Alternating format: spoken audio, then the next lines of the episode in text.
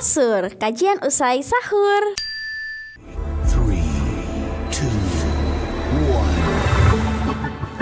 Radio Muhammadiyah dari Muhammadiyah untuk semua.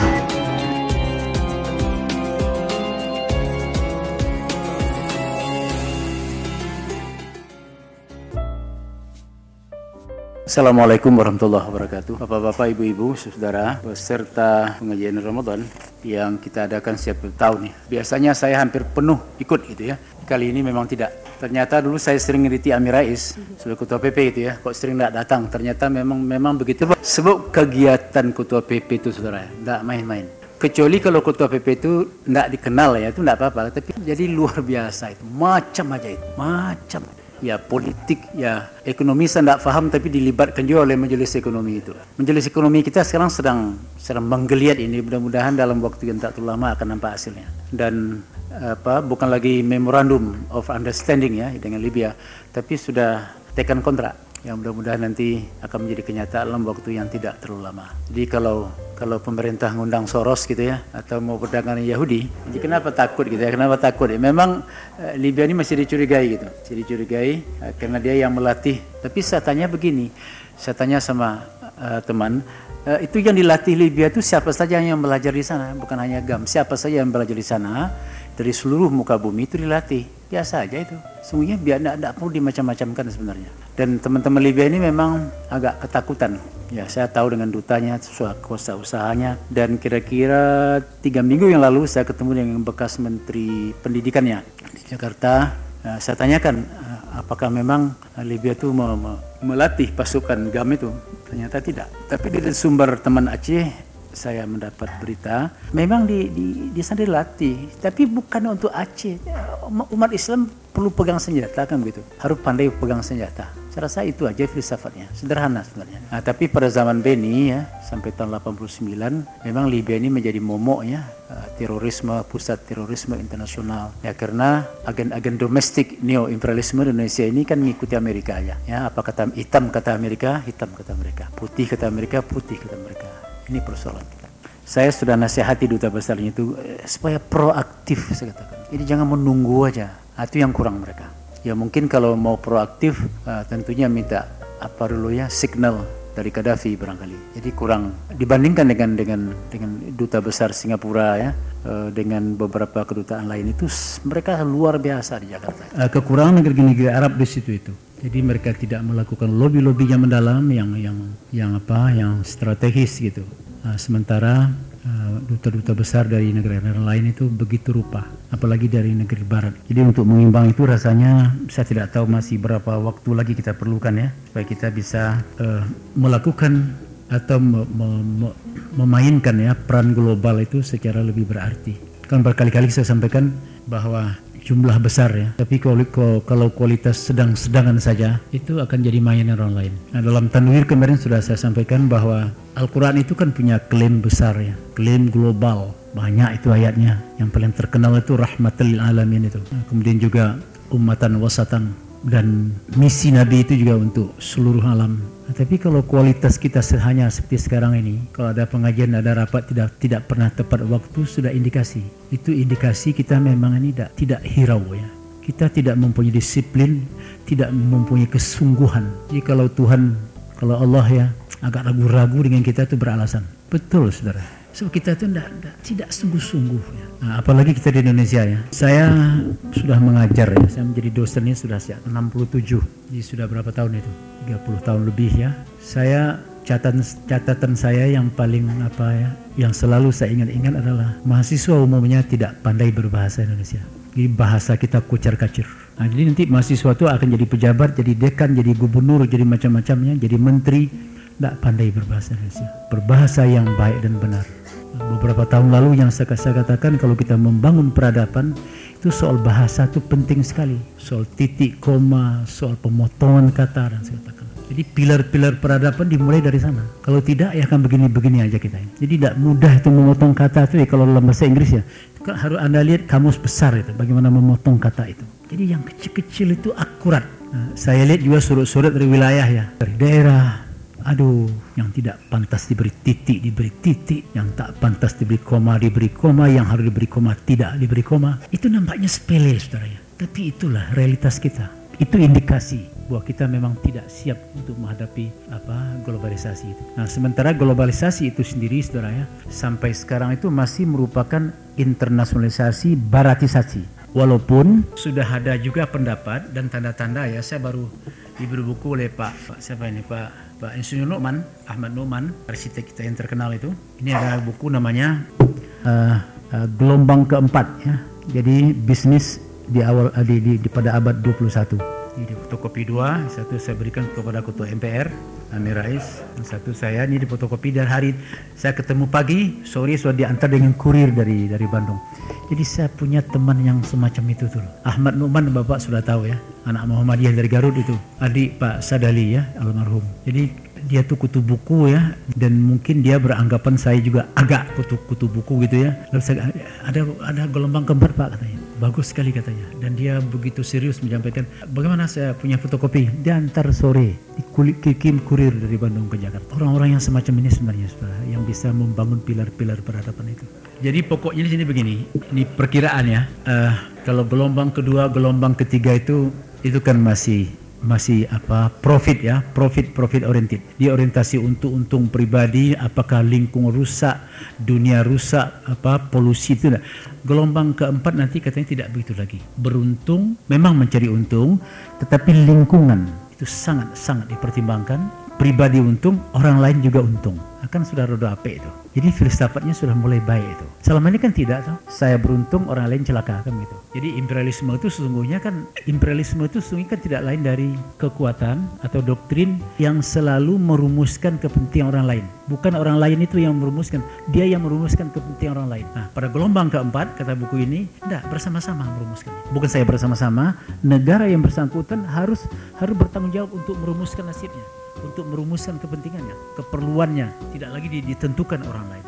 Nah, yang mudah-mudahan aja lah saudara ya pada gelombang keempat ini apa umat Islam yang jumlahnya cukup banyak sebenarnya ya 1,2 miliar. Dan menurut Huntington itu nanti pada tahun 2030 ya itu jumlahnya mungkin sudah hampir seperempat umat manusia. Jadi tidak dari segi jumlah sudahlah saudara, tidak usah saudara tidak usah khawatir malah menjadi masalah ya. Semakin banyak jumlahnya menimbulkan membawa, membawa persoalan karena kualitas. Nah, beberapa negara yang menyebut di negerinya negara negara negara Islam ya, Islamic Republic Pakistan segala macam. Itu kan tidak tidak luput di rundung malang itu. Kudeta, pembunuhan, korupsi sama dengan kita lah bertanding ya. Nigeria itu juga itu sama korupsi juga luar biasa. Jadi saya tidak faham lagi sebenarnya ya. Sebuah negara, sebuah bangsa yang dihuni oleh mayoritas muslim itu seharusnya kan bangsa yang bermoral bangsa yang berakhlak. Tahu halal haram itu? Kan itu itu itu tiangnya sebenarnya. Ini halal ini haram ini hak ini batil. Tapi tidak. Mereka campurkan ya hak dengan batil itu. Dan itu berlaku berpuluhan puluhan tahun. Ya bagaimana? Nah, doa kolektif kita itu tidak didengar Tuhan serasa sebabnya itu. Kan kita berdoa sudah lama nih ya. Tiap musim haji hari Jumat di mana-mana kita berdoa. Jadi doa kolektif kita itu belum didengar saudara jadi ud'uni astajib lakum itu belum. Akan ada persoalan di sana itu serius itu. Maka do, kalau doa kita di, di, dikabulkan, kan bangsa ini tidak seperti ini. Tunjuki kami jalan yang lurus setiap salat itu ya. Kemudian Rabbana atina fid hasanah dan seterusnya itu. Tapi mengapa kehidupan kita ini semakin dari hari ke hari semakin meluncur ke arah yang tidak jelas. Nah, oleh sebab itu sebagian ya karena saudara tidak semua ikut di sidang tanwir ya. Saya ingin saya ulangi sedikit ya. Sebenarnya salah satu jasa terbesar dari Amir Rais ya, di samping ada kelemahannya, semua orang punya kelemahan. Uh, itu ialah membawa Muhammadiyah ke arus besar kekuatan bangsa. Itu saya rasa jasa Amin yang terbesar. Jadi Muhammadiyah itu dakwah amar ma'ruf amir apa amar ma'ruf nahi mungkar itu tidak hanya di pinggir-pinggir di lorong-lorong kecil, tapi dibawanya ke jalan tol, jalan raya itu loh jalan raya politik, jalan raya ekonomi, memang terpental-pental kita. Kita memang tak siap dan tuduhan macam-macam itu biasa aja lah itu di, di kalang PP juga susah itu melihat, lang, melihat langkah Amir Rais ini. Karena tidak siap. Nah, tapi itu penting untuk menyadarkan kita bahwa Muhammadiyah sebagai gerakan dakwah Islam, gerakan dakwah amar ma'ruf nahi munkar itu harus berada di arus di arus besar kekuatan bangsa. Kalau memang kita ingin menyelamatkan hari depan bangsa ini. Ya kalau tidak begini-begini aja lah. Khatib para mubalik kita mubalirat kita ya. Wal takum minkum di mana-mana diucapkan amar ma'ruf nahi munkar ya.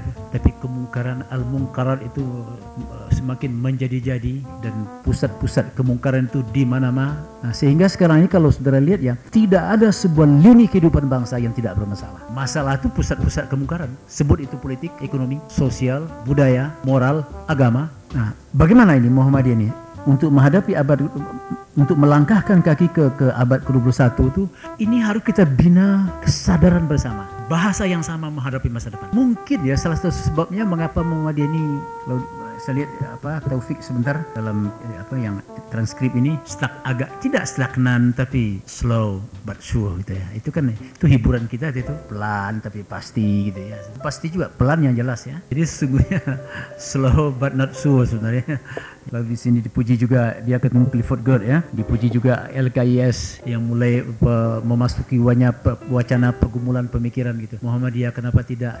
Ini kritik-kritik ini saya rasa ini perlu. Dan sekaligus saya berharap ini kepada pemimpin wilayah yang dari sini ya. Uh, mulai mulai diadakan seminar tidak salah juga tiru NU NU Jawa Timur. Sana ada seminar judulnya NU dalam wacana kritik. Ah, dibuat pula Muhammadiyah dalam wacana uh, kritik. Biar orang lain mengata-ngatai Muhammadiyah tidak apa-apa kita dengar. Supaya kita tahu diri kita dan bisa bekerja sama ya dengan beberapa PTM atau dengan apalah untuk untuk kan biasanya Muhammadiyah kan cari dana susah sekali ya. Karena kita ini dari kelas kelas menengah umumnya orang Muhammadiyah kelas menengah ke bawah ya. Sedikit sekali kita di antara orang Muhammadiyah saya lihat ya. Saya ke mana-mana ke wilayah itu saya lihat yang punya mobil baik itu satu dua saja. Itu indikasi kita. Me- memang itu kita tapi itu situ kekuatan kita. Tapi tidak boleh dong eh, status quo seperti itu kalau mau ke, ke Tanwir, mau ke Muktamar, nah pasti ketemu bupati, ketemu gubernur, ketemu apa. Memang PP juga begitu kan masih nih. Coba nanti Muktamar yang akan datang ini biayanya sekitar 6 miliar kurang sedikit. Amin sudah saudara Amin sudah bilang dengan saya di Januari kita mulai mulai cari nih. Ya ketemu-ketemu dengan para konglomerat itu kita tidak punya memang. Ada nanti bantuan bahwa SWO, SWO itu kan berapa lah? Itu itu kecil sekali ya. Apalagi nanti yang bermuktamar itu ada Aisyah, ada IRM, ada NA toh. Nah, umumnya sumbang mereka kan kecil aja itu. Jadi kita yang harus cari. Ah, tapi nanti saudara dari dari PTM dan beberapa rumah sakit tentunya akan akan banyak ya cukup. Tapi diperhitungkan saya sudah ketemu dengan penitia setempat di Jakarta itu paling-paling dari intern itu mungkin hanya sampai sepertiga saja. 2 M nya dapat udah bagus tuh. Jadi yang 4 M itu harus kita cari. Dan perkara ini Anda kita semua ya kita kita bersyukur ya punya Amir Rais itu ya. Dia dia tidak pernah melupakan Muhammadiyah ya. dan memang saya rasa kalau ada persen apa persentase ya atau karat ya, karat Muhammadiyahnya itu lebih dari 24 karat kalau ada lebih dari itu ya. Kalau saya ya 18 lah 19 kita cari tapi tidak kita tidak pesimis lah kita tidak pesimis. Nah, mulai Januari nanti kita sudah mulai mencari dana.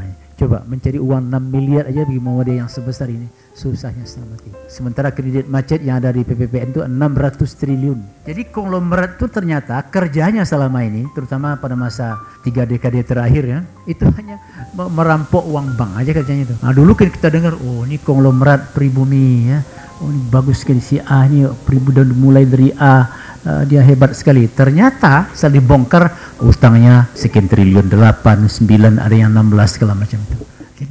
Jadi bangsa ini saudara sudah maut-maut istilahnya. Sudah tidak karu-karuan bangsa.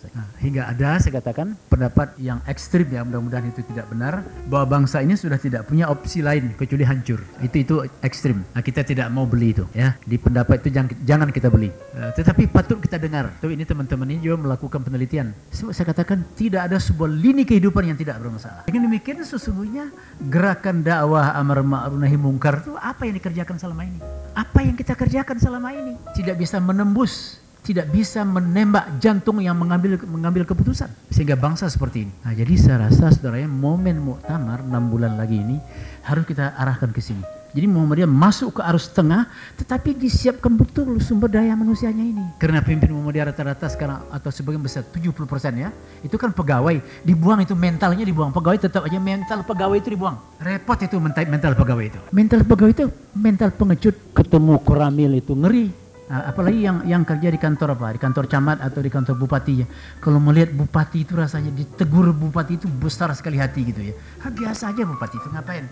Bahasa Indonesianya bupati itu rata-rata jelek kok. Nah, jadi di saya bersama-sama ya, mari kita pikirkan bersama kalau kita memasuki arus besar kehidupan bangsa, kita siapkan sumber daya manusianya. Kita ini semua. Nah, dari segi apa kualifikasi pendidikan sungguhnya tidak ada masalah. Eh, di ranting itu banyak yang sarjana kok. Nah, tapi yang perlu dibangun menurut saya yang perlu di, di, di, diper dipertajam ya itu wawasan. Wawasan harus dipertajam kemudian juga proses pencerahan harus dilakukan terus menerus sehingga kita di bumi ini betul-betul ingin menciptakan umatan wasatan itu. Atau syuhada ala nas yang sering saya kutip itu. Itu luar biasa itu sudah dan selama lima abad umat Islam abad ke-8 sampai abad ke-12 ya atau ab, permulaan agak 13 itu kan eh, dengan segala kelemahannya dari segi politik ya. Tapi umat itu betul-betul menjadi menjadi apa uh, uh, telah menciptakan peradaban yang ting yang spektakuler di muka bumi. Cukup lama itu. Nah, kemudian merosot, merosot, merosot selama sekian abad dan baru mau bangkit, nah, tapi pelan sekali tadi bangkitnya itu dibangunkan oleh Abdu, Afghani, Iqbal, Dahlan dan Agus Salim dan segala macam itu. Tetapi kita lambat sekali. Nah, untunglah dosa politik Muhammad ini tidak keterlaluan gitu. Ada juga beberapa dulu ingat itu. Anda ingat tak waktu Pak Harto masih jaya itu uh, apa kebiasaan kebulatan tekad itu. Kan ada juga satu dua orang Muhammadiyah, tapi hanya satu dua yang mayoritas bukan Muhammadiyah. Itu yang sedikit menghibur kita. Kalau mayoritas orang Muhammadiyah melakukan kebulatan tekad itu, sungguhnya Muhammadiyah ini gimana? Masih perlu hidup apa tidak? Tapi untung tak ada pemimpin demi pembangunan harus Pak Harto berkelanjutan ke pemimpin yang berkelanjutan apalagi dia di Aceh menyebut apa bibit Muhammadiyah dan segala macamnya kita sudah tergiur oleh itu dan itu ada gunanya memang tuh ya itu koramin si korem agak takut melihat Muhammadiyah tidak dakwah Muhammadiyah tidak ada iya ada saja plus minus itu tetapi itu kan untuk menutupi sebuah saudara sebuah kebangkrutan moral yang terjadi di bangsa ini Radio Muhammadiyah mengucapkan selamat menunaikan ibadah puasa Ramadan. Selalu dengarkan Radio Muhammadiyah di www.radiomu.id. Radio Muhammadiyah dari Muhammadiyah untuk semua.